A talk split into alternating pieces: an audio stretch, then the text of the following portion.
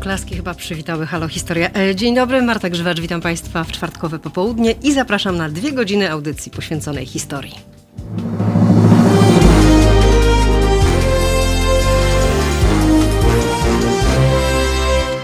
E, jeszcze tylko dodam, że można nas oglądać i słuchać na Facebooku, YouTubie, słuchać też w aplikacji na smartfony, a jeśli ktoś ma radio samochodowe, które odbiera stacje internetowe, to także w drodze, dokądkolwiek się Państwo przemieszczają, e, możemy być na fali. E, polecam jeszcze naszą stronę internetową Halo Radio. No i zarówno tu, jak i na YouTubie znajdą Państwo stosowne numery kont na wypadek, gdyby chcieli nas Państwo wesprzeć finansowo. Z góry oczywiście dziękujemy. Nasz telefon to niezmiennie 22 39 059 22, a do kontaktów zachęcam także za pomocą maila teraz małpahalo.radio.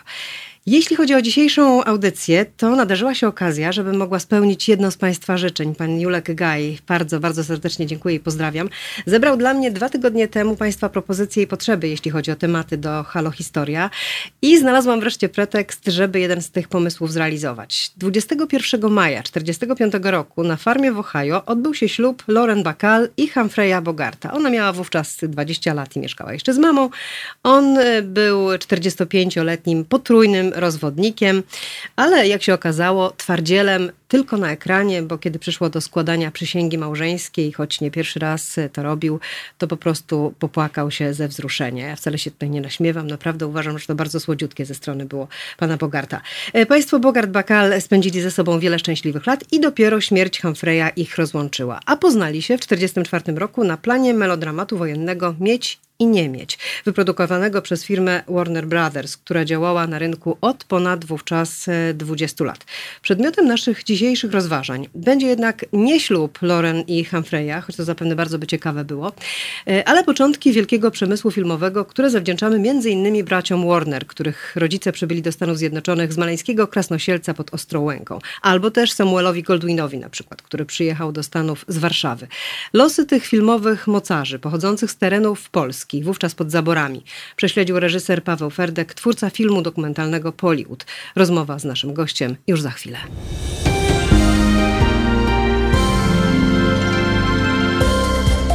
Halo Radio. Pierwsze medium obywatelskie.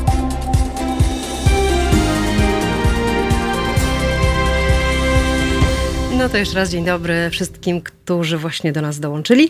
Y, I przypomnienie, że naszym gościem jest reżyser Paweł Ferdek, twórca filmu Pollywood, y, który opowiada o wielkiej przygodzie z filmem Przybyszy z małego żydowskiego miasteczka w państwie wymazanym z mapy Europy. Dzień dobry panie Pawle, czy się słyszymy?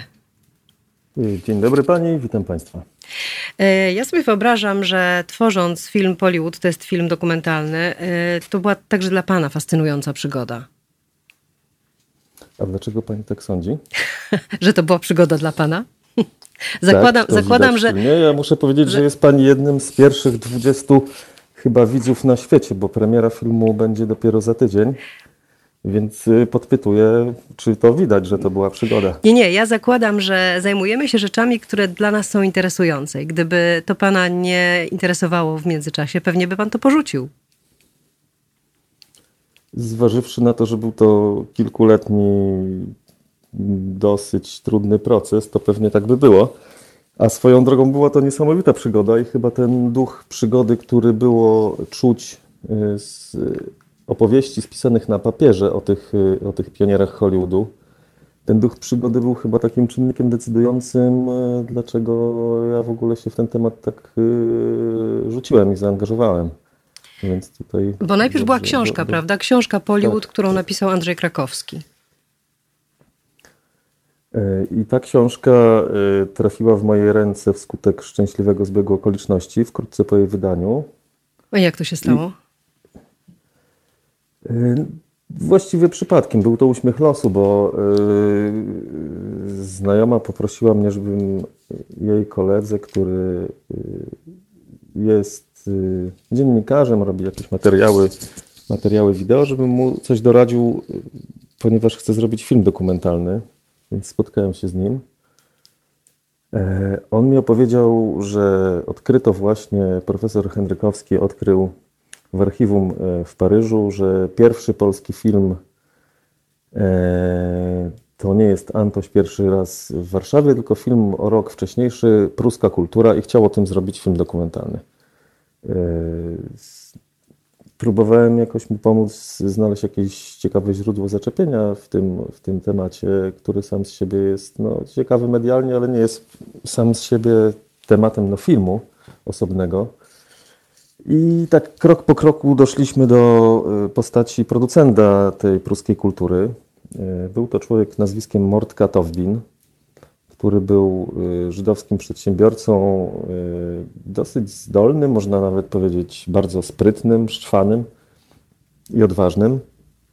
I on się chwytał różnych biznesów i w 1907 roku, kiedy Wydarzenia z wrześni, e, czyli ten strajk dzieci rozpędzony przez pruską milicję, dalej był na ustach wszystkich Polaków.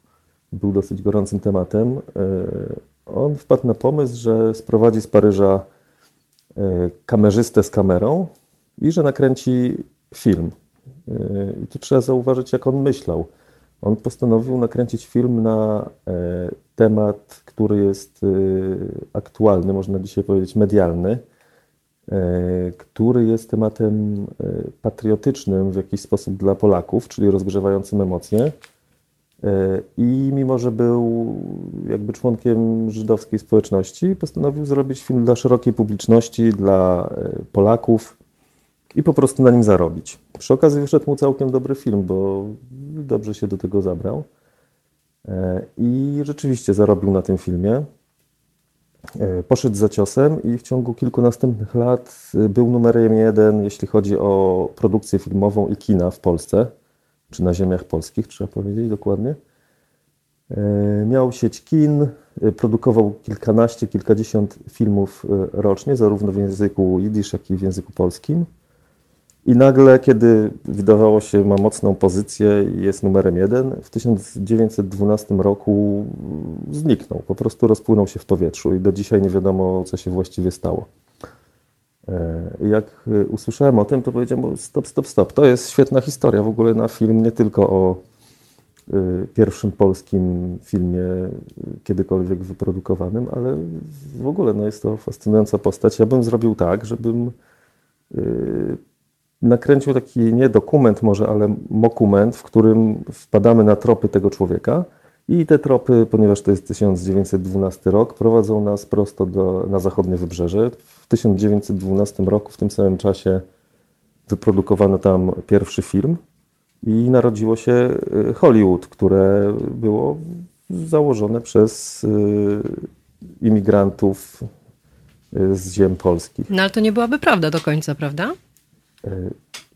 No, jeśli chcemy rozmawiać o prawdzie, no chcemy, jeśli tak. w odniesieniu do ówczesnych czasów i do tych postaci, które są w filmie, to jest bardzo duży i śliski temat. No spróbujmy jednak mimo wszystko, co, co się udało ustalić. No dobrze, ale, ale wracając do, do tego pierwotnego pana pomysłu. Więc y, ten mój kolega y, powiedział, że no nie jest to jego temat, y, więc on nie chciałby robić takiego filmu, że tutaj się trochę zagalopowałem w fantazji, w wyobraźni.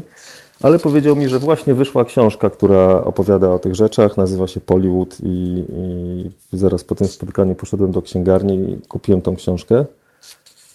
E, I następnego dnia no, wiedziałem, że są takie momenty, że coś nas chwyta tak bezpośrednio, że y, wiemy, że już jesteśmy straceni i trzeba się tym zająć. I to było właśnie, to było właśnie takie objawienie, że nie dość, że był to temat y, niesamowicie filmowy, temat, który y, zwiastował przygodę, zarówno przygodę filmową, jak i przygodę dla mnie jako realizatora tego filmu, ale jeszcze nie wiedzieć, czemu był to temat nieruszony. To znaczy, tak oczywisty temat niezrobiony wcześniej przez kogoś wydał mi się po prostu skarbem, który należy y, wziąć i wypolerować i, i pokazać y, widzom.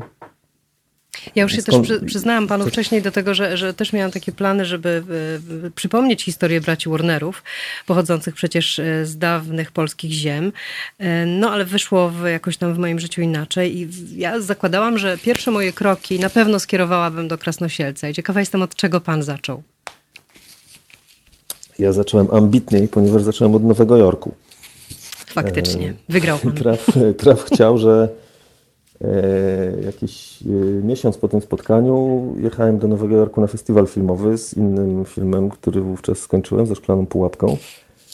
E, I wcześniej napisałem do Andrzeja Krakowskiego, on z dużym entuzjazmem podszedł do propozycji spotkania i rzeczywiście pojechałem do niego, przegadaliśmy cały dzień i on e, pozwolił mi oprzeć się na historiach, które on sam opisał w Bollywood. I został jednocześnie takim e, konsultantem. Dobrym duchem wręcz, wręcz tego, tego pomysłu, który, z którym wiele, wielokrotnie rozmawialiśmy i dyskutowaliśmy, jak to opowiedzieć, i który jest w filmie E, I, i, i, i założyliśmy taką, no, taką e, dobrą, dobry team wzajemnie się wspierający. Więc to był Nowy Jork. Do, do Krasnosielca oczywiście pojechałem chwilę później.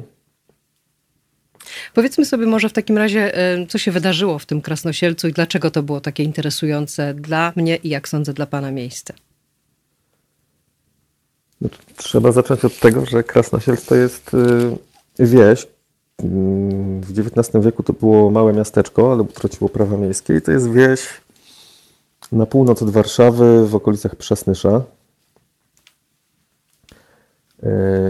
w tej wsi mieszkał Benjamin Wrona, prawdopodobnie Wrona, bo jeszcze jedna inna wersja jego nazwiska funkcjonuje. Szewc, który miał e, Wiele dzieci i niewiele pracy, ponieważ w Krasnosielcu było kilkunastu szewców w tamtym czasie. I zwyczajnie klepał biedę, jak, jak, jak, jak się domyślamy. W związku z tym e, postanowił wyjechać do Ameryki, która wówczas zjawiła się wszystkim jako taka ziemia obiecana, gdzie pieniądze i złoto leżą wręcz na ulicy, wystarczy się po nie schylić. On początkowo on usłyszał, wyjeżdża sam, prawda? Chyba do tej Ameryki. On, on wyjechał sam. Yy, powiedział żonie, yy, że yy, jak mu się tam uda zaczepić, to y, ściągnie ich tam do siebie. I tak się stało. Więc, więc, żona została, już nie pamiętam ile on miał wtedy dzieci, y, mieszkając Ona w z trójką na pewno, wyjechała, z tego co na ja pewno, pamiętam. Na pewno dwójka z czterech braci Warner, y, założycieli studia już wtedy żyła. Na pewno e, dwójka I... żyła, ale chyba nawet trójka, jeśli dobrze pamiętam. A chyba, a chyba nawet trójka. Mhm. Na, na, pewno najmłodszy Jack Warner urodził się już w Ameryce, a y, zdaje się, że ma Pani rację, że trójka już, trójka już wtedy stąpała po y, naszej mazowieckiej ziemi. I on rzeczywiście po roku ściągnął tą rodzinę e, i w ten sposób y, takie są początki wytwórni Warner Bros., ponieważ to nazwisko Wrona potem prawdopodobnie przez urzędnika emigracyjnego kiedy oni przypłynęli do portu, zostało zapisane jako Warner. To było zresztą bardzo częsty przypadek y, w tamtych czasach, w tych wielkich falach emigracji XIX, początku XX wieku, że ludziom amerykanizowano nazwiska po prostu z biegu, tak jak mhm. usłyszał to urzędnik imigracyjny, czyli y, mówiło się y, what's your name? Wrona, a on oczywiście nie wiedział, co to jest Wrona, jak to zapisać i słyszy, pisał mniej więcej to, co usłyszał, czyli napisał teraz Warner i stąd Warner Bros. Jakby napisał Warner albo Wagner, to by było Wagner Bros. Czyli to było takie dosyć działanie ręki przypadku. Y, Ale już chyba nieprzypadkowe było z kolei to, że Benjamin postanowił zmienić swoim synom imiona, prawda? Oni przecież nosili żydowskie imiona. Oni się wszyscy amerykanizowali. Tak. E, oni e, po pierwsze e, uważali, że uciekają od biedy, ale też od politycznej opresji. Tutaj mówimy o jakby imperium rosyjskim, gdzie ludność żydowska była poddawana coraz większemu prześladowaniu i sięgając, sięgając już dalej do tej historii, którą opowiadamy, uważa się, między innymi Andrzej Krakowski tak mocno podkreśla, że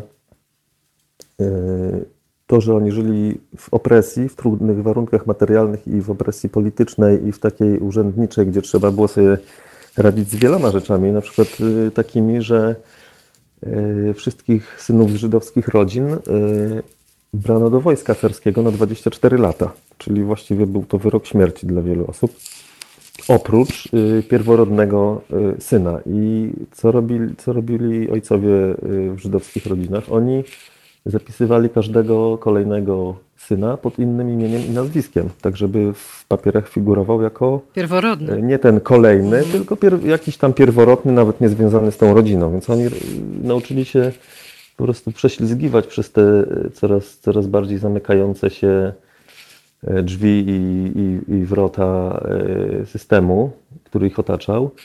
I dzięki temu, jak znaleźli się w Ameryce, oni byli świetnie przygotowani przez taki e, survival życiowy do tego, żeby sobie radzić w biznesie, bo oni e, po prostu kombinowali na wszystkie strony, mieli tą smykałkę taką, żeby koniecznie coś osiągnąć albo koniecznie czegoś uniknąć i to im się udawało. Natomiast ci e, biznesmeni, z którymi oni w pierwszych latach kinematografii konkurowali, to byli ludzie bardziej przyzwyczajeni do my- myślenia takiego standardowego. Do, Ale oni do początkowo tak, ale oni początkowo e, klepali jednak straszną biedę, prawda, w tych Stanach Zjednoczonych. Benjamin imał się przedziwnych rzeczy i rzeczywiście przeróżnych, ale jednocześnie bardzo wierzył w tych swoich synów, bo jest ta słynna anegdota o koniu, prawda, że niemalże królestwo za konia, które się okazuje Którego taką, zastawił, tak. którego zastawił, tak, które się okazuje dosyć prorocze, prawda, bo rzeczywiście to królestwo filmowe za tego zastawionego konia, żeby pożyczyć pieniądze i dać synowi na kupno chyba by kamery jakiejś wtedy, prawda? Pro, projektora, Projektora, projektora, mhm. filmowego. Projektora, tak, bo, bo faktycznie oni początkowo nie tworzą filmów, tylko oni je wyświetlają, prawda? Tego się zaczyna. No, to były takie imperia, które zbudowały się krok po kroku. Nikt z nich nie miał ani wielkiego biznesplanu, żeby zostać hollywoodzkim mogulem y, i ani, y, ani stosownego kapitału. Czyli y, działa, działali w ten sposób. Najpierw chcieli przeżyć. Czyli tak jak pani mówi, ten y, y, Benjamin Wrona imał się przeróżnych zajęć, ale też jego synowie się imali przedziwnych zajęć. Jeden z nich założył na przykład y, cyrk rowerowy, na spółkę ze swoim kolegą, który dokonywał jakiejś ewolucji na rowerze. Kolega zresztą po miesiącu skręcił sobie kark i umarł. Więc ten przerzucił się na wyścigi rowerowe, ponieważ miał rower, ale mu nie szło, był za słaby w nogach, więc założył sklep rowerowy. Jack z kolei kolejny występował w kabarecie, prawda? Śpiewał, zdaje się, Jack Warner. Y, Oni, oni y, te, te ich początkowe przygody i biznesy to, to jest w ogóle materiał na komedię, bo oni mieli takie pomysły, a jednocześnie mieli tak przedziwne wpadki, co trochę się potykali o własne nogi, albo ktoś ich wrabiał w jakieś, w jakieś nieczyste interesy, więc oni wiele razy lądowali z niczym i znowu następnego dnia znowu chwytali się czegoś innego. Mieli nie- niespożytą wyobraźnię i taką wolę walki i wolę życia. Y, Jack, o którym pani mówi, miał podobno y, bardzo dobry y, głos do śpiewania jako chłopiec, więc ojciec zebrał wszystkie grosiki, którymi dysponował i zapłacił żydowskiemu kantorowi, żeby go uczył śpiewu. Kantor był sędziwym człowiekiem, y, zażądał zapłaty za rok z góry i taką dostał. Y, I po tygodniu umarł i pieniądze przepadły. Później y, Jack nauczył się śpiewać, ale chwilę później przechodził mutację, więc jego głos stał się skrzekliwy i strasznie nieprzyjemny. Co z kolei i tak jego bracia wykorzystali do tego, ponieważ wówczas już założyli pierwsze małe kino, wtedy to się nazywało Nickel Odeony.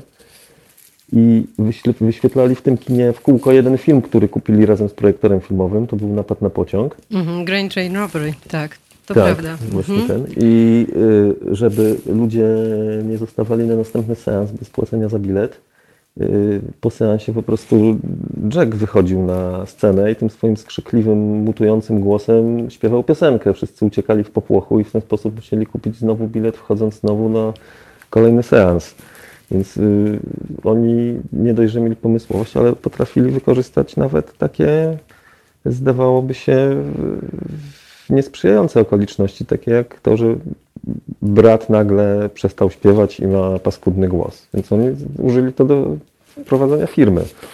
No ale właśnie też jest to ciekawe w ich przypadku, że ci czterej bracia, y, czyli y, Samuel, Albert, y, Harry i Jack, że każdy z nich ma w zasadzie jakąś inną umiejętność. I to jakby spowodowało, prawda, że oni jakoś byli w stanie razem to przedsiębiorstwo stworzyć, że właściwie ten e, Samuel był takim człowiekiem zainteresowanym nowinkami technicznymi, stąd w ogóle ten projektor. Albert no, jakoś tam ogarniał księgowość, Harry był taką, takim mózgiem właściwie, takim osta, ostoją spokoju, e, a, a Jack z kolei był człowiekiem, który umiał zdobywać show, showmanem, kontakty i showman, prawda? Ale później okazał się zresztą czarną owcą w tej rodzinie, to jest też inna historia. Stworzyli no imperium, ale zniszczyli rodzinę.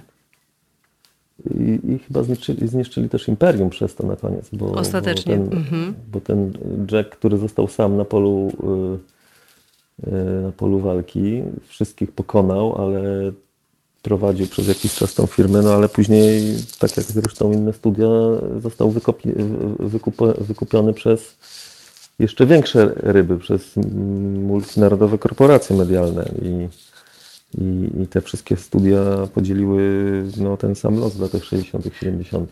Ale jest taki moment w ich karierze, kiedy oni, no już im tam jakoś idzie, prawda? Już tam są w stanie pozwolić sobie na jakiś lepszy garnitur czy coś takiego. E, I w pewnym momencie na nowojorskim Manhattanie Jack chyba, albo któryś z braci Warnerów, spotyka niejakiego Markusa Lewa, też producenta, który mówi im, że chłopaki, zostawcie te, to wyświetlanie tych filmów, to, to nie o to chodzi, żeby posiadać kina, tylko trzeba kupować filmy na własność i wypożyczać je innym kiniarzom. I stąd się zaczyna też taka wielka, no, no, no, ich droga po sławę, krótko mówiąc, i po sukces. No to były takie standardowe kroki właściwie w, w większości tych założycieli wielkich studiów, że oni najpierw yy, fascynowali się nowym wynalazkiem, jakim był e, kinematograf i, i projektor filmowy i widzieli w tym jakiś e, dobry pomysł na biznes a później e, zakładali e, Nickelodeon, jeden, drugi, trzeci. I pojawiały się problemy z wypożyczeniem dobrych filmów, ponieważ był to wtedy rynek bardzo e, mocno skupiony w kilku rękach. I coraz więcej znaczył tam Thomas Alva Edison, który postanowił stworzyć trust i stworzyć Unię e, i zmonopolizować ten rynek. Więc no tak, no, skoro wymyśliłem wam tę kamerę, prawda, to teraz mi płaćcie. I on jeszcze żądał, tak, żeby... ale też płaćcie mhm. za moje filmy. On chciał, on chciał być jedynym właściwie producentem i dystrybutorem, więc y, pojawił się realny problem, że w tych y, Nickelodeonach, małych, prywatnych, rozproszonych na, w wielu rękach, nie ma czego wyświetlać, albo kopie filmów, które dostają są bardzo drogie. Y, albo że żydowscy kiniarze są traktowani gorzej od y, innych. Więc oni wpadli wtedy na pomysł, y, żeby zrobić krok do przodu i zastosować ucieczkę do przodu i zaczęli dystrybuować filmy, ale kiedy znów spotkali się z ograniczeniami, zrobili kolejny krok do przodu, czyli teraz zaczniemy produkować filmy, czyli już mamy cały ten obieg biznesowy w, w, ramach kina, bo produkujemy, dystrybuujemy i wyświetlamy. Do tego jeszcze dołożyli e, prasę i reklamę i później, to już mówimy o latach późnych dziesiątych i dwudziestych w Hollywood, później już stworzyli system gwiazd, który był takim wyznacznikiem i wielką lokomotywą to promocyjną. Zaraz, zaraz do tego dojdziemy. Ale to zaraz. Do, zaraz do tego dojdziemy, a na razie... Natomiast na razie... ważny jest jeszcze jeden, jeden aspekt, pozwolę sobie wspomnieć, mianowicie taki, że to był nowy, rodzący się na ich oczach y, biznes i dział, i dział gospodarki. Oni jako emigranci z Europy Środkowej i Wschodniej i jako Żydzi y, nie byli dopuszczani do wielu istniejących już branż. Y, w związku z tym albo mogli szukać drobnych, drobnych interesów, takich jak sklepiki, właśnie jakieś przedziwne cyrki, tresowanie węża na jarmarku i tak dalej, a nagle się przed nimi otworzyła niesamowita szansa, ponieważ pojawił się nowy biznes, który do niego nie należał jeszcze. I, I można oni... go było sobie wziąć. I oni go po prostu sobie wzięli. Tak, wracamy do rozmowy za chwilę. Na razie, e, zresztą stosownie do, do tematu, o którym mówimy, przygoda życia, czyli Adventure of a Lifetime w wykonaniu Coldplay.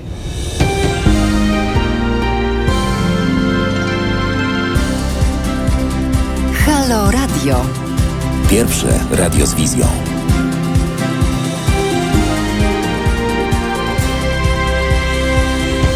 No to wracamy do rozmowy. Marta Grzywacz, Kajetan Strzelczyk za sterami i pan Paweł Ferdek, reżyser filmu Pollywood. E, W 102 lata temu, mniej więcej w 1918 roku, za 25 tysięcy dolarów e, bracia Warner kupują działkę przy Sunset Boulevard w Los Angeles i zakładają swoje pierwsze studio filmowe. Dlaczego w Los Angeles? Oni uciekli w końcu z Nowego Jorku, ale właściwie przed czym? Pierwszy do Los Angeles dojechał e, Sam Goldwyn, który zresztą urodził się w Warszawie i nazywał się wówczas Szmul Gelbfish. I pieszo doszedł do Niemiec. I nie, pieszo, on pie- pieszo doszedł do, do końca Francji, można powiedzieć. Wow. E, Tak, on miał 15 lat i wiedział już, że Polska jest raczej nie dla niego, a ponieważ nie miał grosza przy duszy i wyrzucili go z pociągu już na dworcu głównym w Warszawie, więc po prostu e, ruszył na piechotę i pół roku później wsiadł na statek w Liverpoolu. Nie wiadomo skąd miał pieniądze, tutaj są różne teorie, ale No e, nie pewnie ich jakoś z bardzo uczciwie nie zdobył, leg- prawda? Legalne. Tak. W każdym razie widać, że miał bardzo mocno wytyczony cel i kierunek. E, On w 1912 roku e, mieszkał w Nowym Jorku i dorobił się już niezłej fortuny, ponieważ handlował rękawiczkami, następnie importował rękawiczki. Jest słynny przekręt, y, który zrobił z urzędem y, celnym, dzięki któremu właściwie zalał Amerykę tanimi rękawiczkami importowanymi z Francji, na tym, na tym zbił niezłą fortunę. Później przerzucił się na y, kina i produkcję filmową, ponieważ zakochał się w pewnej aktorce, której jednak nie zdobył, ale zaprzyjaźnił się z jej bratem, aktorem również Jesse Laskim i, i razem ruszyli w tą filmową przygodę. I on w 1912 roku zaczął produkować film Mąż Indianki. To był bardzo odważny i nowatorski film na tamte czasy, ponieważ był to pierwszy film pełnometrażowy. Do tej pory produkowało się filmy jednorolkowe, czyli do 12 minut, ewentualnie dwurolkowe, a Goldwyn postanowił nagle zrobić film półtora godzinny. I w czasie produkcji ostrzeżono go, że na plan mają zamiar wpaść y, włoscy gang, gangsterzy opłacani przez y, właśnie wspomnianego już wcześniej Edisona. Edison to był taki gagatek, który y, na kartach historii figuruje jako wielki wynalazca. Oprócz tego, że był wynalazcą, on był bardzo sprawnym patenciarzem i y, I Ja bym powiedziała, nawet w pewnych momentach, nie bójmy się tego słowa, może nie obrażę wielbicieli Edis- Edisona, ale złodziejem trochę. On zwyczajnie kradł cudze pomysły. Między innymi od Nikoli Tesli. To mam mu to za złe do dziś. y, tak, tak, właśnie chciałem to powiedzieć, że był patenciarzem, czyli zgłaszał patenty, nie zawsze swoich wynalazków, a Otóż to. czasami dokręcił jedną śrubkę albo przełącznik i zgłaszał to jako swój własny patent. Y, No i on miał w ręku patent na kamerę filmową. W związku z tym, że miał na nią patent, postanowił, y, tak jak wcześniej wspomniałem, zmonopolizować rynek produkcji w Stanach, y, kręcąc filmy samemu przez swoje przedsiębiorstwo i narzucając ogromne opłaty za korzystanie z kamer dla wszystkich innych, którzy nie chcieli z nim pójść w tym traście, który tworzył. No oczywiście nasi imigranci, nasi bohaterowie nie chcieli podporządkować się Lisonowi. Oni już wtedy czuli, że przeszli tyle i wyszli z takiego, z takiej gmatwaniny wrogich czynników i przepisów, że będą w Ameryce robić to, co im się podoba, a nie to, co ktoś im będzie narzucał.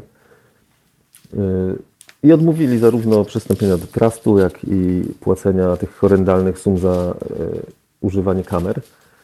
Yy, Na co Edison po prostu wynajął włoskich gangsterów, którzy wpadali na plany filmowe, niszczyli wszystko, bili ludzi i tak dalej, po prostu niszczyli plany filmowe. Yy, I kiedy Goldwyn zaczął kręcić tą swoją superprodukcję, jak na tamte, tamte czasy, dostał cynk, że następnego dnia wpadają ludzie od y, Edisona, więc on nie zastanawiając się długo, zwinął cały plan filmowy, zebrał wszystkich ludzi i kupił bilet y, na pierwszy pociąg odchodzący z Nowego Jorku na zachód. Jego plan był taki, że pojadą sobie do Arizony, do miasta Flagstaff, do, dokładnie tam kupili bilety, y, ponieważ kręcili taki western, można powiedzieć, i że tam dokończą produkcję. Oczywiście nikt z nich nie był wcześniej we Flagstaff, w ogóle to wszystko była taka wielka improwizacja, możemy dzisiaj powiedzieć. związku z tym, kiedy po kilku dniach dojechali tym pociągiem do Flagstaff e, i zobaczyli, że są po środku szczerej pustyni, gdzie nawet nie ma wychodka, e, Goldwyn powiedział, wskakujemy do pociągu, jedziemy do ostatniej stacji po prostu i traf chciał, że był to pociąg jadący do Los Angeles właśnie. I w tym Los Angeles Goldwyn, który umiał liczyć, wynajął najtańsze pomieszczenie na biuro produkcyjne, czyli stodołę oddaloną od y, Los Angeles o kilka ładnych mil, w miejscu, które się nazywa dzisiaj Hollywood. I za, za jego przykładem poszli inni. Okazało się, że nie tylko mają spokój, że ci ludzie Edisona tam przez jakiś czas nie docierali, a później ci producenci wystawiali po prostu czujki na dworzec, y, kiedy przyjeżdżał pociąg z Nowego Jorku, kiedy pojawiała się jakaś y, większa grupa śniadych pasażerów y, z wyglądu Sycylijczyków, to oni po prostu znikali pod ziemię i, i potem wracali do pracy, jak niebezpieczeństwo minęło. Ale też okazało się, że po pierwsze tak, jest piękne światło w Kalifornii, bardzo dobrze oddające rysunek. To wtedy były to czarno-białe, czarno-białe filmy, ale, ale już na czarno-białej kliszy było widać różnicę. Y, jest stabilna pogoda, y, nie ma zimy, można kręcić cały rok. Y, I jest ogrom dużego, ogrom, ogrom pustego terytorium do zagospodarowania. Tam działki były śmiesznie tanie, ponieważ zachodnie wybrzeże wtedy jeszcze było prawie całkiem puste. Mhm. No i myślę, że było to też coś, co da się wyczuć, ale jest bardzo nienamacalne, jeśli mówimy o konkretach. Mianowicie na zachodnie wybrzeże trafiali ludzie którzy mieli tego ducha e, przygody, trafiali tam pionierzy, trafiali tam ludzie, z którymi można było się porwać na wszystko. To był jakiś taki specjalny sort ludzi, tak jak możemy powiedzieć, że do Ameryki emigrowali w ogóle ludzie o pewnych cechach charakteru i pewnym dążeniu życiowym. Byli to ludzie już wyselekcjonowani w naturalny sposób. E, to w tamtych czasach na zachodnie wybrzeże trafiali i jeszcze najodważniejsi z nich, najbardziej nastawieni na to, żeby zdobywać nowe terytoria, żeby stawiać kroki w nieznane i tak dalej. I ta grupa takich ludzi zebrała się w Los Angeles i okolicach w tamtym czasie i okazało się, że wystrzeliła z tego fabryka snów w ciągu kilku lat właściwie. I wielkie mm -hmm. imperia filmowe, i wielkie sławy, i historia tak. kina, którą znamy. Warnerowie zaczynają od, od filmu z, z, z, psem. To jest taki pies, który właściwie przeszedł już do historii kina, nazywał się Rin Tin Tin, ale też e, chyba e, przenikliwości i takim właśnie e, technicznym możliwościom sama Warnera, nie, tak, sama Warnera, dobrze mówię, mhm, tak. zawdzięczali chyba to, że, że poszli za ciosem i, jeż, i jednak weszli w film dźwiękowy, prawda? Bo Harry, Harry Warner mówił w pewnym momencie, no ale kto będzie chciał słuchać paplaniny aktorów? A tymczasem sam powiedział, nie no panowie, chwileczkę, prawda, idziemy w to. Mamy odpowiedni sprzęt i idziemy. I, i chyba tym wygrali bardzo, jeśli chodzi o Warnerów, prawda? Jeśli chodzi o Warnerów, to tak. Czasami sam się zastanawiam, że po co ta paplanina aktorów, że nie zawsze jest to potrzebne. No ale był to krok milowy w historii kina jako gatunku sztuki i, i, i, i biznesu. I wówczas, e, mówimy o roku 26, e, wówczas studio braci Warner nie było w tej piątce największych. To znaczy oni się tak plasowali na piątym, szóstym może miejscu, jeśli chodzi o wpływy i, i rozpoznawalność. Ale właśnie to, że pierwsi poszli w dźwięk, film, w dźwięk mhm. stawiając właściwie całe swoje studio na jednej szali, bo gdyby to nie wypaliło, to oni by splajtowali. Ale mało tego, oni stworzyli film muzyczny, prawda? Bo tam wystąpił przecież ten Al Jolson, zresztą polski Żyd skądinąd. Polski no więc właśnie, tak. I w momencie, kiedy, i to było niesamowite, że ta bariera dźwięku, można powiedzieć, została przełamana, ponieważ e, w czasach, kiedy bilet wstępu kosztował 20 centów, to oni zarobili 3 miliony dolarów i zdobyli Oscara za ten film. To był śpiewak jazz bandów. Niesamowita historia. No to musiało być w ogóle niesamowite wrażenie dla widzów, którzy już przecież przyzwyczaili się przez kilkanaście lat do filmu niemego, do tego, że nie, nie, nie były to tak do końca nieme też filmy, bo my to oglądamy jako filmy nieme, czyli bez dźwięku albo z jakimś taperem, ale trzeba powiedzieć, że oni się wykazywali niesamowitą wręcz umysłowością, jeśli chodzi o udźwiękawianie tych filmów w czasie projekcji. Bo bywało też tak, że były projekcje, gdzie za ekranem po drugiej stronie byli aktorzy albo jeden lektor, który y, czytał kwestie synchronizując się z ruchem warg aktorów na ekranie. Były efekty dźwiękowe przeróżne, począwszy od y, walenia w blachy, wypuszczania żywych kur i tak dalej. To, to, była, to była wielka, myślę, radosna improwizacja, ale, y, ale rzeczywiście, y, jeśli mówimy o obejrzeniu pierwszego kina, pierwszego filmu dźwiękowego przez osobę, która wiele lat ogląda filmy bez właściwego dźwięku, to musiał być wrażenie niesamowite. Myślę, że większe od wynalazku 3D, który jakby nastąpił za naszego życia i paru innych rzeczy, no bo w końcu słychać i w końcu ta postać poruszająca się po ekranie y, imituje człowieka. To nie jest tylko obraz, to jest też ktoś, kto do nas mówi, ktoś, kto śpiewa, mm. słychać jego oddech i tak dalej. I myślę, że to było dosyć mocno no, przełomowe na, w całej historii kina i dokładnie dokonali tego bracia Warner, którzy nie dali się wyprzedzić i yy, po pierwsze po, po, prostu zwąchali w tym yy, coś ciekawego i zwąchali w tym interes. Być może, tak myślę, że, że fakt, że ich studio nie było na podium w, w tamtych czasach, powodował, że oni się aktywnie rozglądali za y, możliwościami. A w którym momencie? Odmieniane, odmieniane w Los Angeles w branży hmm. filmowej do dzisiaj na, róż, na różne w różnych przypadkach, których zresztą nie ma w angielskim. A w którym momencie oni się, tak, tak oni okazja, to opportunity, tak, tak. węszyli za tym opportunity, bo nie byli najwięksi i, i, i po prostu skorzystali z tego. A kiedy weszli na to podium wreszcie?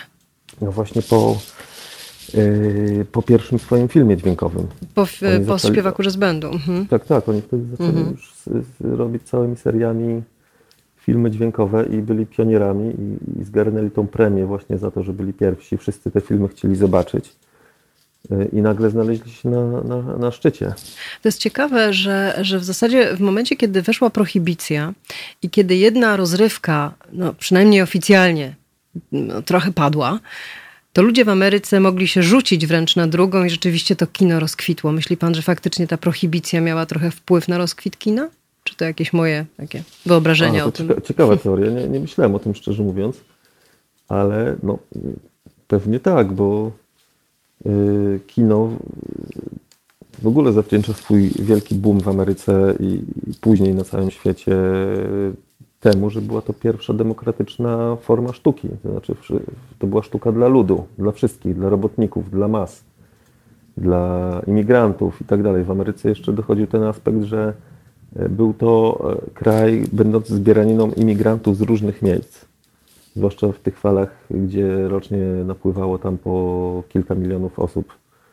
Y, I, y, I te wszystkie grupy różnych bardzo mieszkańców znalazły jakiś swój wspólny kulturowy mianownik właśnie w kinie, które było dla wszystkich dostępne. Przecież y, robotnicy z amerykańskich hut albo rzeźnicy z Bronxu nie chodzili do teatru, do opery, ani na wystawy, ani na koncerty w filharmonii. Dopiero kino tak naprawdę wprowadziło tych ludzi w obieg y, kultury. No a wiadomo, że inną zajęciem kulturalnym rzesz, rzesz ludzkich jest picie alkoholu i wydaje mi się, że coś w tym jest, co pani mówi, aczkolwiek muszę to jeszcze przemyśleć. Dobrze, to do następnego razu w takim razie ma pan Dobrze. czas. E, czy uważa pan, że, że właściwie tę firmę no, na samym początku jej drogi, można by powiedzieć, położyła śmierć sama Warnera, który nie, doczeka, nie doczekał nawet premiery śpiewaka jazz bandu. Zmarł nagle. No tak, mu się nieszczęśliwie zmarło tuż przed premierą właściwie. Więc nie mógł, nie mógł nawet zobaczyć tego wielkiego sukcesu, nad którym pracował. Myślę, że miało to duży wpływ na pewno na konflikt, na wzrost konfliktu między braćmi Warner, bo każdy z nich, tak jak wcześniej Pani mówiła, miał inne umiejętności, ale też in, inne to były charaktery. I e, wyjęcie jednego klocka z tej układanki, sam był akurat dosyć takim rozsądnym i spokojnym człowiekiem, na pewno przyczyniło się też do, do tego, że później wszyscy się tam strasznie pocięli i, i w efekcie w nieuczciwy sposób Jack Warner przejął całą firmę. Bo Ale udawał, że ją sprzedaje, prawda? Ja, ja, mhm. ja, tych, ja tych lat tak dokładnie nie studiowałem, mhm. ponieważ film się kończy yy, no właściwie kiedy, kiedy te pierwsze du duże wytwórnie filmowe stają na nogach, czyli, czyli do lat dwudziestych powiedzmy. To jest, Bollywood jest filmem o, o tym, jak y, y, kilku y, młodych, niewykształconych y, chłopaków wychodzi y, ze Sztetli, czy też tak z Warszawy, jak y, sam Goldwyn i co się dzieje między tym, między tym momentem, a momentem, kiedy zasiadają w swoich skórzanych fotelach za ogromnymi biurkami z cygarem w zębach i mówią tak, założyliśmy studio filmowe w Hollywood. Jak pan sądzi, jaki rodzaj energii, jaka siła spowodowała zbieg okoliczności, nie wiem, kosmos, że oni osiągnęli tak gigantyczny sukces? Ludzie znikąd, bez niczego. Myślę, że właśnie to, że byli ludźmi znikąd bez niczego, miał duży wpływ na to, co, co osiągnęli, jaka to była skala. To jest pytanie, które ja zadaję też moim rozmówcom. Wśród tych rozmówców y, są wielcy producenci hollywoodzcy, jest y, Steven Spielberg, y, są scenarzyści, są, są po prostu aktywni ludzie Hollywood, którzy w większości sami przeszli podobną drogę. Nie założyli może wielkich studiów filmowych, ale wyprodukowali wielkie znane filmy albo je reżyserowali. E, I to, co usłyszałem w odpowiedzi, daje się właściwie streścić w paru zdaniach. Po pierwsze, y, to była desperacja.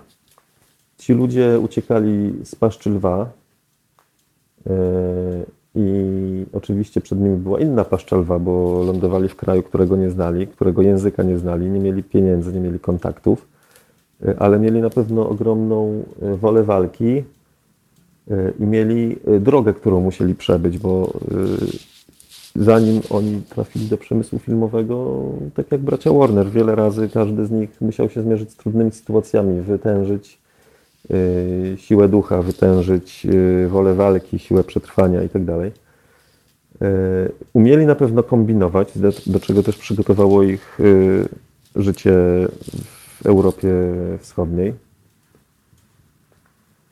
Y, I zdaje się, że mieli jeszcze coś, co trzeba by nazwać backgroundem kulturowym, to znaczy oni pochodzili z kultury, która dużo opowiada, która jest kulturą słowa, kulturą opowieści Y, i oni wyciągnęli to jakby z, z, z genami, z, z mlekiem matki i oni potrafili ciekawe filmy robić, nie tylko jako biznesmeni, ale, ale też jako ci, którzy zlecają scenariusz, y, wybierają, który scenariusz należy zrobić, wprowadzają do niego poprawki i wiedzą, jak opowiedzieć o tym y, filmie publiczności, żeby ta publiczność chciała na, nią, na ten film przyjść, czyli reklama.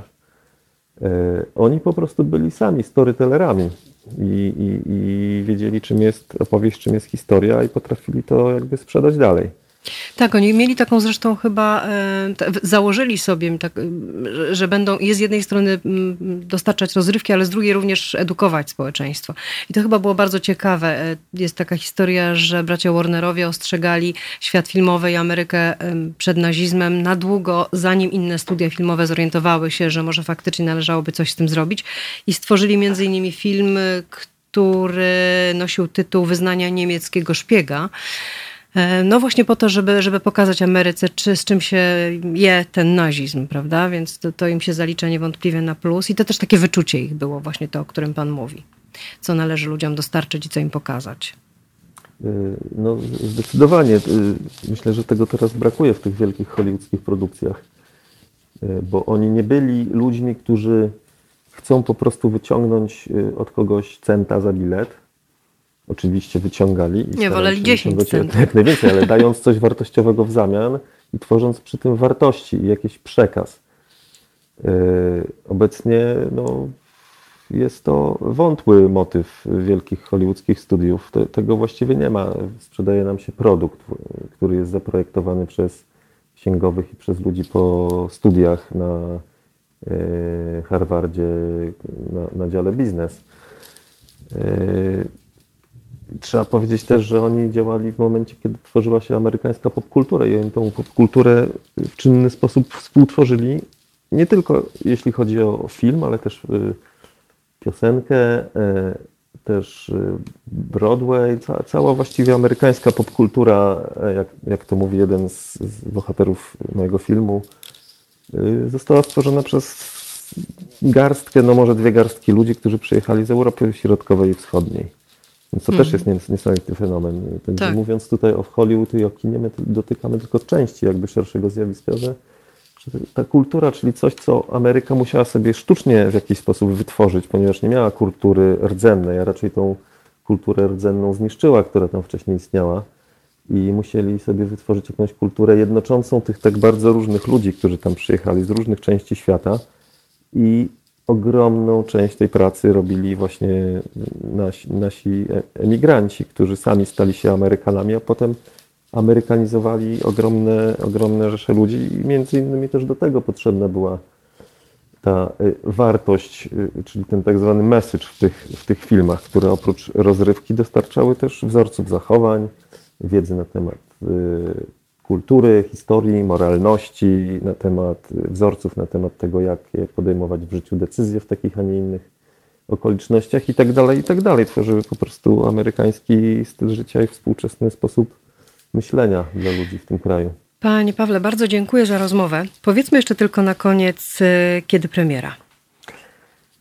Premiera będzie za y, tydzień z małym okładem. 31 maja y, Pollywood będzie filmem otwarcia krakowskiego festiwalu filmowego. W tym roku ze względu na wiadome okoliczności festiwal odbywa się w całości online, więc y, y, tak jak liczyłem, że pierwszy raz zobaczę y, film w sali pełnej y, ludzi, no to niestety będę musiał na to jeszcze poczekać. No ale- przykro. no niestety. Właśnie y, w takich okolicznościach dowiadujemy się, czym jest chyba kino i czym się różni od telewizji i internetu, że to naprawdę jest różnica. To naprawdę jest co innego. Wspólne przeżywanie w ciemnej sali, wspólne zatapianie się w historię i, i, i śmianie się w tych momentach. y, Kiedy spodziewamy smucenie się, że- Tak, i- i Mhm. smucenie się w momentach Tak. smutnych, to, to jest y, jakieś hipnotyczne, zbiorowe przeżycie, którego no niestety nie da nam oglądanie streamingu. E, Ale i tak się bardzo cieszę na tą premierę, bo jest to, jest to wspaniałe otwarcie dla życia tego filmu. A chwilę później y, y, film będzie w HBO i w HBO Go. W połowie czerwca mniej więcej będzie premiera, także proszę śledzić i zapraszam serdecznie do obejrzenia tego filmu Pollywood. Bardzo dziękuję, życzę powodzenia i wielu uśmiechniętych twarzy i wszystkiego dobrego. Dziękuję za miłą rozmowę.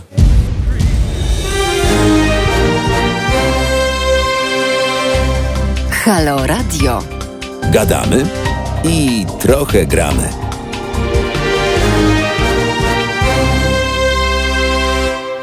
Program Halo Historia, część druga. Marta Grzywacz, dzień dobry raz jeszcze. Bardzo dziękuję za Państwa komentarze. Ja widzę, że niektórzy już są przygotowani do naszej następnej rozmowy, wyposażeni w odpowiednie gadżety e, i napitki stosowne do okazji. Pani Julku, pozdrawiam. Proszę się wygodnie rozsiąść. Em, Wracamy e, do naszej historii, ale tym razem cofamy się cztery wieki wstecz e, do momentu, kiedy 21 maja 1674 roku królem Polski zostaje humanista, poliglota, bibliofil i zapalony geograf Jan Sobieski. Dziewięć lat później nazwany przez Turków lwem Lechistanu. Czy naprawdę był tylko dobrym kochankiem i zdolnym dowódcą, ale marnym politykiem? I dlaczego właściwie jego synowi nie udało się objąć po nim tronu? O tym już teraz e, Mirosław Macierowski, redaktor naczelny tygodnika Gazety Wyborczej Ale Historia i autor książki Władcy Polski. Dzień dobry. Dzień dobry. Mam nadzieję, że mnie dobrze słychać. Dobrze cię słychać, dobrze cię słychać. W, ja właściwie miałam zamiar zacząć od czego innego, ale tak sobie pomyślałam, że każda szanująca się rozmowa na temat Jana III Sobieskiego właściwie y, powinna poruszać temat jego żony, Marii Kazimiery. No i moje pierwsze pytanie, właściwie jak to z tą ich miłością było? Czy ona naprawdę była taka wielka? No niewątpliwie ona była. My w ogóle na e, Jana III Sobieskiego patrzymy przez e, i jakby oceniamy go i, on jest e, jakby postrzegany przez Polaków właśnie przez e, jakby w dwóch aspektach. Wielki wódz, no i właśnie mąż swojej żony, czyli Marii Kazimiery, e, zwanej u nas Marysieńką.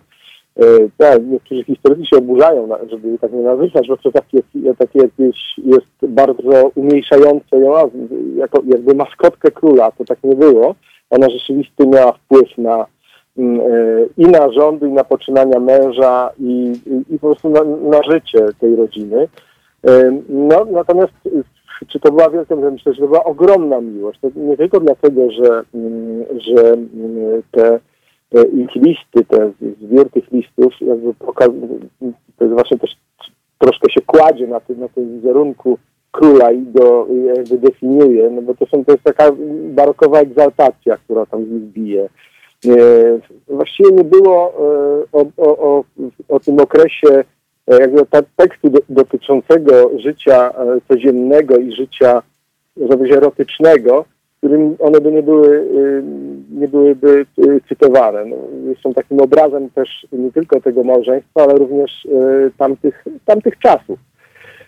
No, to, to było bardzo, musiało być bardzo burzliwa miłość i bardzo, bardzo wielka, no bo przecież Maria Kazimiera jako y, mała dziewczynka przyjechała do Polski wraz z królową Marią Ludwiką Marią Gonzagą, która była najpierw żoną króla Władysława IV, a później Jana Kazimierza. I ona była jej dwórką i no, wtedy były wszystkie takie związki na dworze aranżowane i, i pierwszy, pierwsze małżeństwo E, Marii Kazimiery też było zaaranżowana jako młoda dziewczyna, e, została wydana za wielkiego magnata. W zasadzie mm, można powiedzieć przodkowie Jana sobie pana Zamojskiego to, to byli najwięksi magnaci w czasach Batorego, czyli Jan Zamojski był, można powiedzieć, wicekról.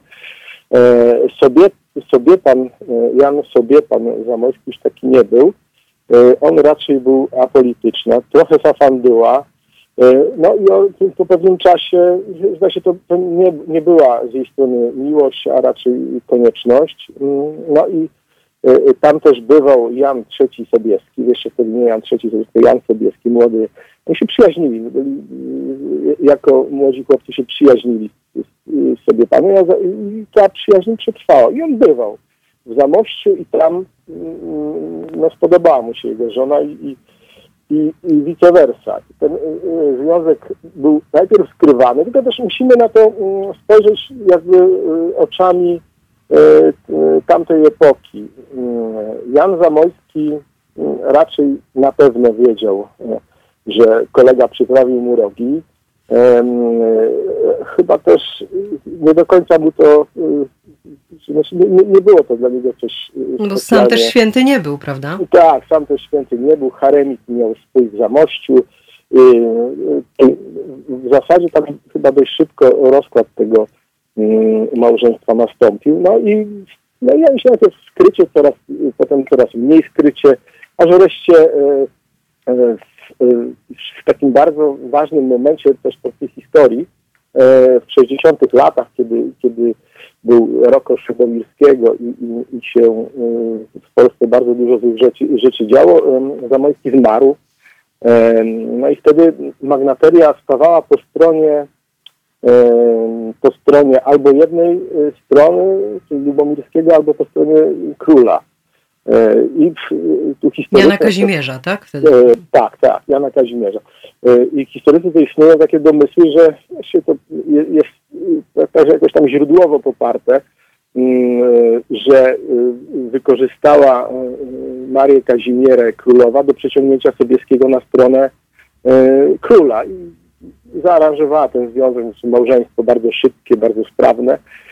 No i rzeczywiście Sobieski... Mm, Ale też ciekawie piszesz, w jaki sposób ona to zaaranżowała, bo tak jakby trochę Sobieski w pułapkę został wciągnięty. No tak, to e, zakradł się do Marii e, Kazimiery, Marysieńki w nocy i tam zostali nakryci. przypadkiem. A no już potem nie było wyjścia, trzeba było się hajtać jak to się dziś mówi. No i mm, ją rzeczywiście wtedy mm, stanął y, po stronie króla i był jednym z dowódców, a właściwie dowódcą głównym wojsk królewskich w tej głównej bitwie Rokoszu pod Mętwami, tragicznej, strasznej, kiedy tam bardzo dużo ludzi y, zginęło. No i to, to był, trudno powiedzieć, żeby to powiedzieć, że to jest początek jego kariery, ale to jest bardzo ważny moment w jego karierze też jakby politycznej. No, chyba najważniejszy to nastąpił 5-6 e, e, lat później, e, kiedy już był Jan Kazimierz już dawno abdykował, wyjechał do Francji, nowa elekcja wyłoniła bardzo słabego króla Michała Korybuta Wiśniewieckiego. On zasiadł na tronie. No i, to jest właściwie taki, no chyba jeden z, z też kluczowych momentów, które poprowadziły kraj na dno. To jest wtedy jakby walka między szlachtą a, a królem e, trwała w Polsce już właściwie od dawna, w Rzeczypospolitej, obojga narodów. Natomiast wtedy ona y, y, jakby sięgnęła apogeum, bo mm, przeciwko Korybutowi byli, była bardzo znaczna część, ta, ta, ta, ta jakby frakcja francuska w polskiej polityce, magnaterii i tak dalej. Po tej stronie właśnie był Sobieski, znaczy prymas Prażmowski, no i była e, królewskie stronnictwo związane z Habsburgami, żoną e, Michała Korbuta Wiśniewieckiego. Była Habsburżanka, córka cesarza z Austrii. No i wtedy mm, bardzo to mm, jakby eskalowało. No to właściwie najeżdżali się nawzajem, konfederacje były zakładane. E, A po której stronie. Sobieski się wtedy opowiada? On się opowiadał absolutnie po stronie e, antykrólewskiej. On był mhm. E, związany z Marią Kazimierą. Uważał się za mm, jakby kandydat, jeszcze to nie kandydata, ale jakby przedstawiciela stronnictwa profrancuskiego.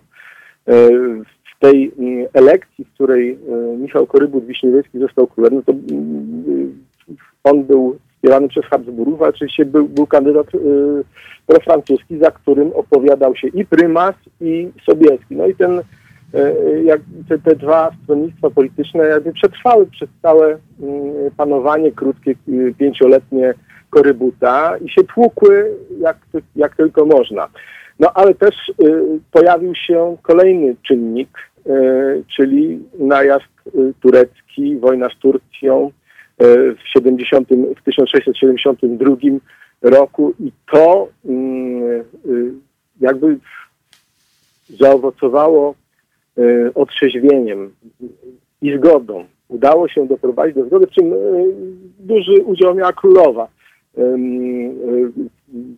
Ale doszło do tego, że Turcy właściwie zabrali całe Podole, ponieważ Michał Korybut Wiśniowiecki król opluwany, właściwie przez całe jego panowanie, to, to liczba druków ulotnych, które mówiły o nim rzeczy prawdziwe i mniej prawdziwe, kompletnie wymyślone była tak wielka, że, że to myśmy, my dzisiaj nazywamy to hejtem, no to był tam, tam, tamten hejt, barakowy hejt.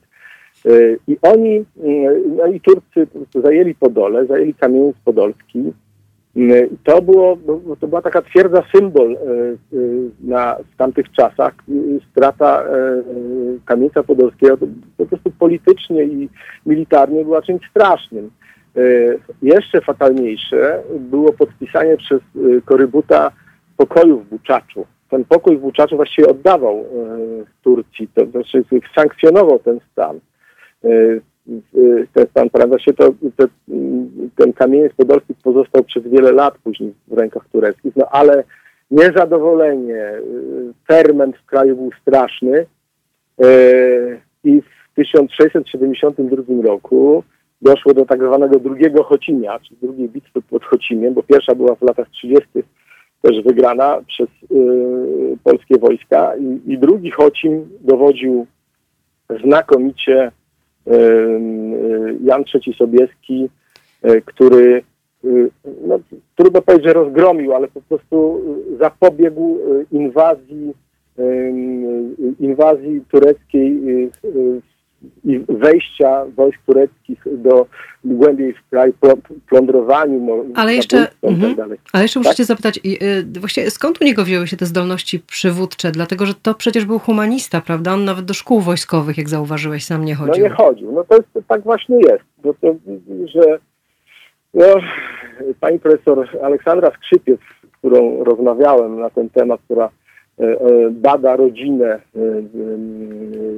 Sobieskich i, i, i potomków króla Sobieskiego, po prostu mówi to samorodny talent i praktyk, no bo on w zasadzie w 1646 roku jako e, młody chłopak, e, wtedy miał 20 parę lat, e, wrócił z zagranicy, e, ojczyzna w potrzebie i rzeczywiście stanął. Tysiąc, e, e, walczył w czasie powstania chmielnickiego i on szedł e, jakby po szczeblach tego dowodzenia, bo on był kapitanem wojsk kwarcianych.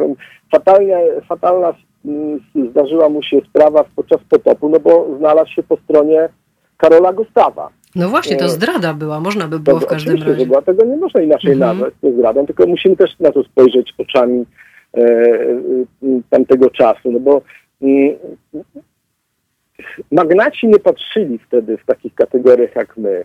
Właściwie dla nich to było wszystko jedno, czy królem jest e, francuski kandydat, czy szwedzki kandydat, e, czy habsburski kandydat. Znaczy dla, oczywiście tam grały, była rywalizacja, jedni byli za tym, jedni byli za tym. E, Natomiast to nie, to nie był problem, że jest obcy władca, więc bardzo wielu tych magnatów po prostu zaakceptowała Karola Gustawa, to że dlaczego nie? No jak może być e, Waza jeden e, na tronie, to może być jego e, jakby krewny, można powiedzieć. Jeden Szwed, drugi Szwed, prawda? Nie ma tak, znaczenia, tak, co za różnica. Nie ma znaczenia i tak do tego pragmatycznie podchodzili. Problem się dopiero zaczął, jak się okazało, że ta armia, która tam weszła, nie, nie, nie, nie, nie, przy, nie, nie, nie przyjechała tam robić porządku, wprowadzać jakichś rządów, Bóg wie jakich, tylko po prostu splądrować e, ten kraj. No i e, potem się skończył, jak się skończył. Ale to jest też bardzo taki, mm, y, musimy o tym pamiętać, bardzo długi ciąg wydarzeń i wojen, które po prostu kraj obróciły w perzynę, no bo mamy y, powstanie Chmi- Chmielnickiego, potem mamy potop, po drodze jest wojna z Moskwą, y, ten Rokosz Lubomirskiego i, i w końcu Turcy i jeszcze y, był y, najazd y, wojsk siedmiogrodzkich po drodze. Y, Także y, y, to jest czas, kiedy, y, jak niektórzy y, y, historycy twierdzą, jed- jedna trzecia y, ludności y, no, poszła do nieba albo do piekła. Y, y, Takie były straty, y, ale też i gospodarcze. Także I w takim jak- momencie y, y, Sobieski obejmuje Tak. dowodzenie, że tak powiem, czyli przejmuje królestwo. przejmuje królestwo. No i tu- tutaj jakby dochodzimy do, do drugiej e, jakby e, sytuacji, czyli oceny, e, oceny Sobieskiego jako polityka. No bo jeżeli odrzucimy tą Marysieńkę i tą legendę piękną, jaka się wokół niej, wokół tej miłości, tego związku wytworzyła i odrzucimy też nawet postawimy fantastyczne zwycięstwo pod Wiedniem i równie fantastyczne zwycięstwo pod Chocimiem, no to mamy władcę, który właściwie nie był politykiem, który y, staje y, przed takimi problemami, że ma kilkumilionowy kraj. y, Czyli on dostał to królestwo za swoje zwycięstwa na polu walki? Proszę? Dostał to królestwo za swoje zwycięstwa na polu No walki? niewątpliwie, tak, Mhm. tak. Jeden, z- jeden z, z historyków, z którym rozmawiałem, to mówi to obrazowo. Chocim wsadził e, Sobieskiemu, e, włożył Sobieskiemu koronę na głowę i to rzeczywiście tak jest. Tak jak e, można było o Korybucie powiedzieć Wiśniowieckim, że jemu koronę na głowę włożyła popularność jego ojca, czyli Jaremy, który, e, Wiśniowieckiego, który walczył e, podczas powstania chmielnickiego e, i był bardzo popularny wśród magnat, części magnatów i, i szlachty. Tak samo można powiedzieć o Sobieskim, że militarne zwycięstwo i jakby odrzucenie Turków od polskich granic,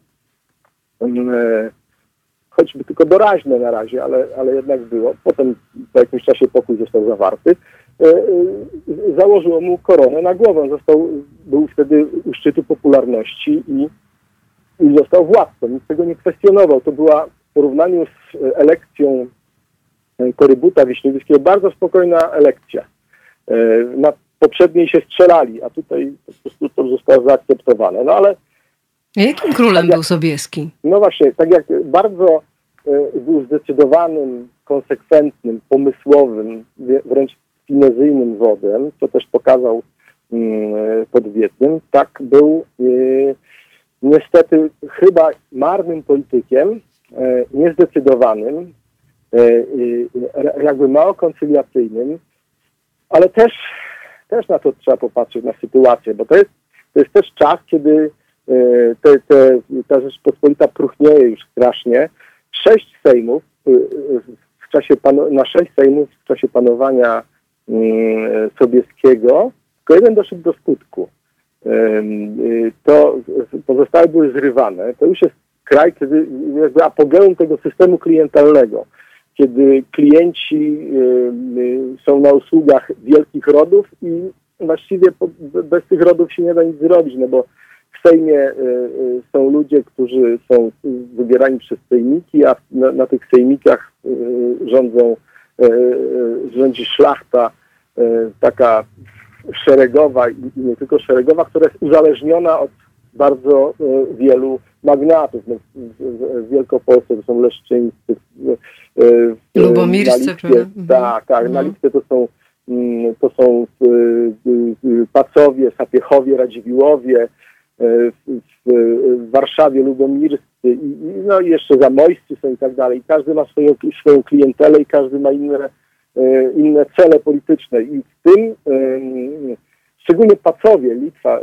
byli wrodzy z jakiegoś powodu Sobieskiemu. No i to jest moment, kiedy tak naprawdę polityk się sprawdza. Profesor Zbigniew Wójcik, który napisał taką klasyczną monografię Sobieskiego, on go bardzo mm, próbuje mm, w tej monografii, znaczy jakby podsumowując ten, ten ten, tą swoją całą, ten swój cały tekst, on, on go próbuje bronić, no bo jednak trzeba zważyć te wszystkie, e, te, te wszystkie czynniki, jakie miały, e, miały wpływ na jego rządzenie. Właściwie, nie wiem, no bardzo takim, e, ja się zastanawiam, to, to jest gdybologia, jakby sobie poradził w takiej sytuacji taki król jak Kazimierz Jagiellończyk, który był bardzo finezyjnym politykiem, prawda? a słabym wodzem on właściwie nie, nie trudno, trudno powiedzieć, jakby sobie poradził. Podejrzewam, że sobie by też nie poradził, bo to była sytuacja, e, tak jak jest, będzie się toczyć dyskusja do końca świata na temat Stanisława Augusta Poniatowskiego, czy on mógł coś zrobić więcej. Wydaje mi się, że niewiele mógł więcej zrobić, jakkolwiek nie był to jakiś wybitny. E, to wybitniejszy by pewnie e, nie zrobił więcej. Natomiast no tutaj jest, mamy sytuację właściwie, kiedy kończy, największy sukces odnosi y, pod Wiedniem, a potem już jest właściwie zjazd. Mm. Następnego sukcesu już nie ma. Powiedz mi jeszcze tylko na koniec, bo musimy się powoli do tego zbliżyć. E, dlaczego właściwie nie udało mu się przeforsować jego syna Jakuba e, na króla, czyli nie załatwił mu tego stanowiska, krótko mówiąc?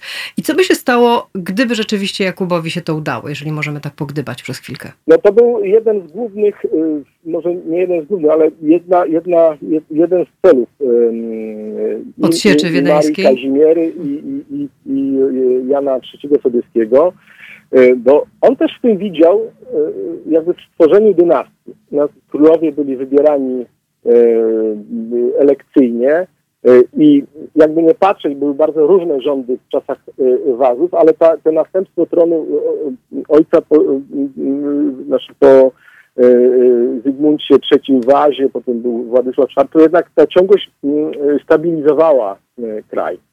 E, natomiast e, wszyscy widzieli, co się może stać, jak, jak jest słaby król, taki jak, e, jak Korybut.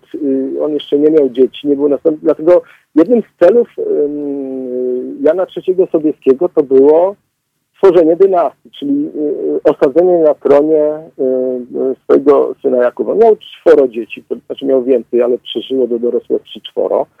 E, jedną córkę Teresę Kunegundę, jeszcze młodszych synów Aleksandra Benedykta i Konstantego Władysława. Mm, jeden z nich się w ogóle nie ożenił, drugi, y, y, można powiedzieć, popełnił e, mezalians, bo się z taką zwykłą szlachcianką e, ożenił panią Wessel. Były z tego straszne skandale, a na końcu pani Wessel odziedziczyła Żółkiew, czyli takie, taką siedzibę rodową Sobieskich i tam toczyły się o to wielkie spory. E, natomiast e, e, Teresa Kunegunda, Teresa Kunegunda udało się wydać bardzo dobrze za mąż, za Maksymiliana Emanuela Wittelsbacha, elektora bawarskiego, to bardzo ciekawe, bo ich syn, Karol Bawarski, Karol VII Bawarski, to można powiedzieć z potomków Sobieskiego zrobił największą karierę, ponieważ on został cesarzem rzymskim, królem Czech i cesarzem rzymskim. Natomiast Jakub, no, to jest niestety tragiczna według mnie historia, no bo on bardzo chciał, matka bardzo chciała, e, bardzo chciał e, Jan III Sobieski. A kto nie chciał tak bardzo w takim dobrze, razie? Dobrze go, dobrze go wydali, można powiedzieć, za e, siostrę cesarza. I to było dobre małżeństwo. Jadwiga Elżbieta, no, Naumburg, Pfalz-Naumburg, była siostra, była siostrą cesarzowej, mieli dużo dzieci i dobrze im się żyło. No i w 1696 Jan III umiera i jest elekcja. I tutaj jest po prostu jak gdyby gra na wielu fortepianach, taka, przygotowanie takiej elekcji wygranie takiej elekcji. A, a pierwszy fortepian się psuje na początku, ponieważ dochodzi do wielkiego konfliktu między, yy, między synem a matką, między Marią Kazimierą i Jakubem. Yy, I to już w czasie pogrzebu. W czasie pogrzebu dochodzi do tego, że e, syn e, konduktu nie wpuszcza jakby do, e, do Wilanowa. Jest, jest, strasz, jest straszne napięcie, prawda? I to, to wszystko było spowodowane tym, że też grały polityczne tutaj role różne opcje. Ale co on sobie wyobrażał, że nie chciał wpuścić konduktu z pogrzebowego no, z ojcem? On sobie, on sobie wyobrażał, że tam, tam to były różne. Tam jakąś rolę odegrali, odegrali tutaj e, lubomirscy, którzy byli jego doradcami, e, przepraszam, którzy byli doradcami w ogóle Sobieckich, ale, ale Marii Kazimiery. Jakąś rolę odegrał tutaj e, wysłannik francuski Polignac, no i Potoccy i no, że doszło do skłócenia rodziny. E, e, Jakub w pewnym momencie myślał, że mm, e, matka albo sama chce znaleźć sobie męża i wyjść, jeszcze pieniądze zabrać i, i zostać władczynią, albo foruje, co oczywiście było nieprawdą, albo foruje na tron jego młodszego brata Aleksandra. No ale to, to też zdaje się nie była prawda, natomiast takie wieści dochodziły do Jakuba, no i doszło do bardzo wielu tam nieporozumień. Z drugiej strony y, ten Poliniak, który y, próbował y, jakby forsować kandydata francuskiego na tron Polski, przepraszam, a tym kandydatem właśnie miał być Jakub, tak naprawdę chyba nie za bardzo mu na tym zależało. Tam doszło do bardzo wielu jakby złych, złych zjawisk, złych rzeczy. Ale też Jakub chyba nie, nie znalazłby poparcia wśród szlachty. On nie był jednak swoim ojcem. E, no i koniec końców e, dostaliśmy pierwszego Sasa na tronie polskim, e, Augusta Mocnego, który zyskał sobie poparcie kilku dworów, E, no a też musimy pamiętać, że wtedy na polską politykę bardzo, bardzo mocno już wpływały kraje ościenne i które podpisywały w, tym czasie już e, jakby umowy o współpracy, które między sobą, przykład Prusy z, z, z Rosją albo e, Austriacy z, z innymi krajami, które po prostu próbowały wpływać na, na polską politykę, mm -hmm. wykorzystując złotą polską wolę szlachetną. I, to, tak. I było... dlatego, ja już tu muszę kończyć powoli, zmierzam do brzegu. No tak, no tak i dla...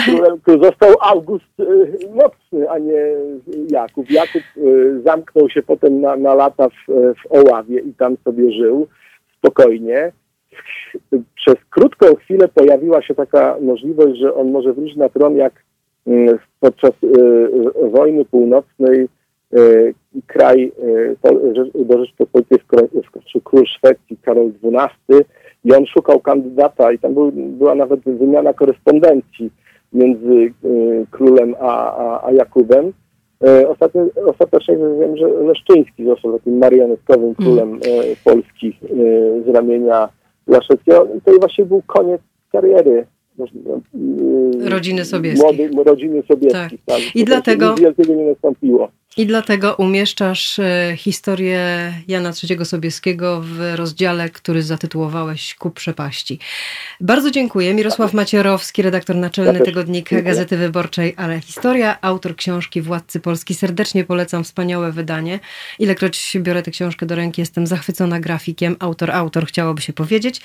E, Dzięki wielkie, mam nadzieję do usłyszenia jeszcze i Państwa oczywiście zachęcam do kontaktu z nami. Telefon 22 39 059 22. Mail teraz małpahalo.radio. E, No i obserwuję tu oczywiście Państwa komentarze. Nie mogę komentować, bo rozmawiam, ale, ale wszystko widzę. E, Na razie co my mamy? The Doors, Riders on the Storm, a potem wracamy z historią pewnej piosenki.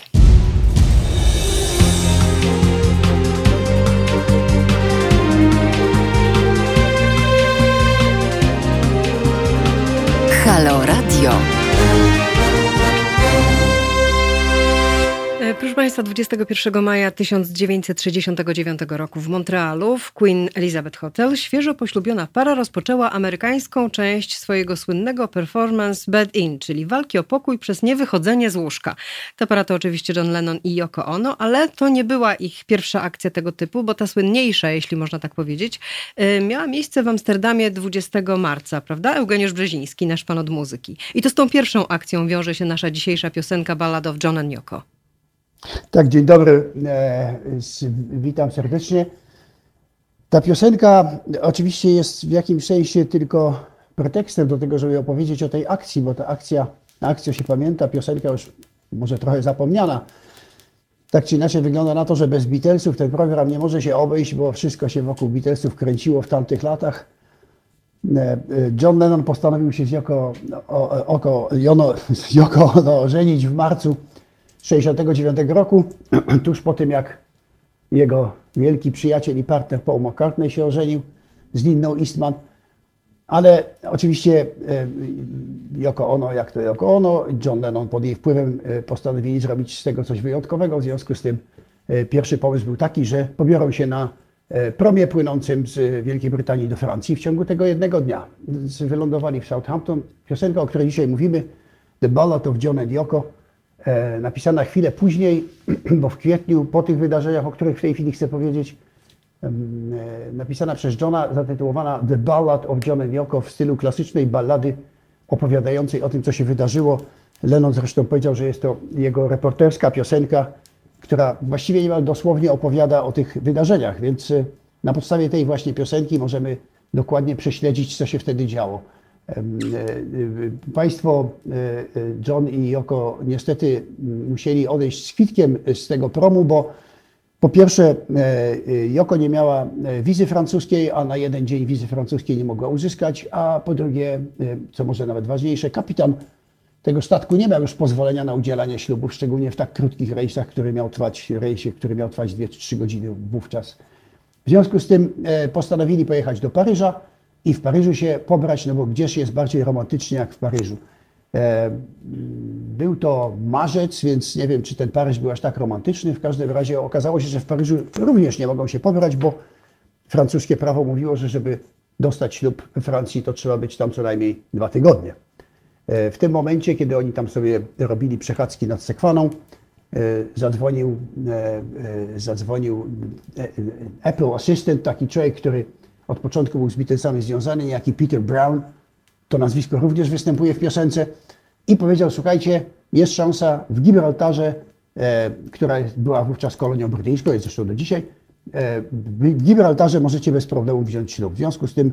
E, oni się zabrali, polecieli do Gibraltaru i tam w ciągu e, praktycznie 10 minut e, niejaki British, British Consulate Office, e, niejaki pan Cecil Wheeler udzielił im tego ślubu. Oni bardzo byli z tego dumni. Lennon podkreślał, że to jest wspaniałe miejsce, bo nie tylko, że to, e, że to ta skała, na której oni oprą swoją miłość, ale, ale e, maczuga Herkulesa i w ogóle kiedyś to był koniec świata, przecież jeszcze nie tak dawno, więc w ogóle bardzo symboliczne miejsce.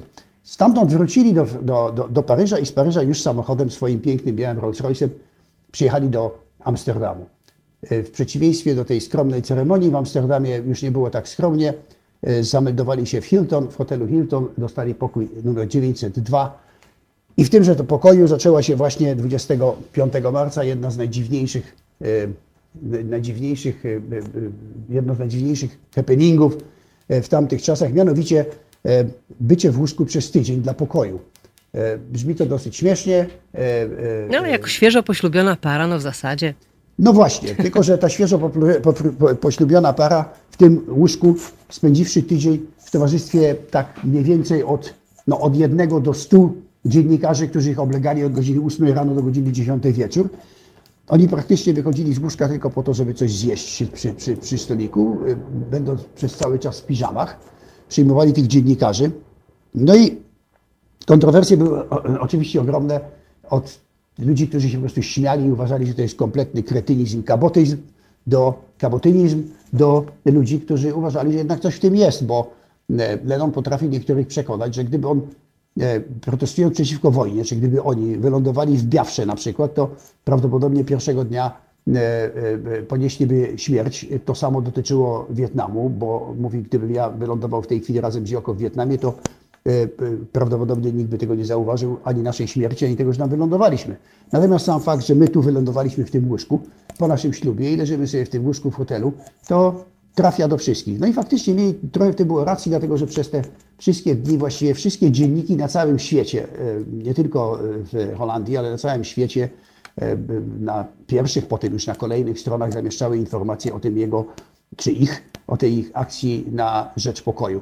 Więc w jakimś sensie może to przyniosło skutek, chociaż, przyniosło skutek, chociaż jak wiemy, na e, pokój to raczej nie wpłynęło, ale wielu ludzi, John Lennon był oczywiście tak znaną osobą, że wiele osób to podchwyciło. Amsterdam zresztą nie był wybrany przypadkowo. Amsterdam był wówczas San Francisco się już trochę skończyło, ta, ta, ta, ta, ta, ta, ta, ta era San Francisco, ten, ten, ten, ten klimat San Francisco się trochę skończył. Amsterdam stał się jakby taką nową, e, nową e, stolicą hipisów na świecie, gdzie było ich mnóstwo, więc oni sobie tam spokojnie, e, państwo Joko Lennon w tym hotelu pomieszkiwali, palili marihuanę masowo, masowo przynoszoną im przez, przez różnych ludzi. I e, e, właśnie e, ta akcja potem została powtórzona w Montrealu. Zaczęła się właśnie. A jeszcze tego- tylko, tak, a jeszcze tylko na 21 dwa, dwa słowa na, te- na temat samej piosenki, bo musimy kończyć. Już? Tak, już. W jaki sposób powstała?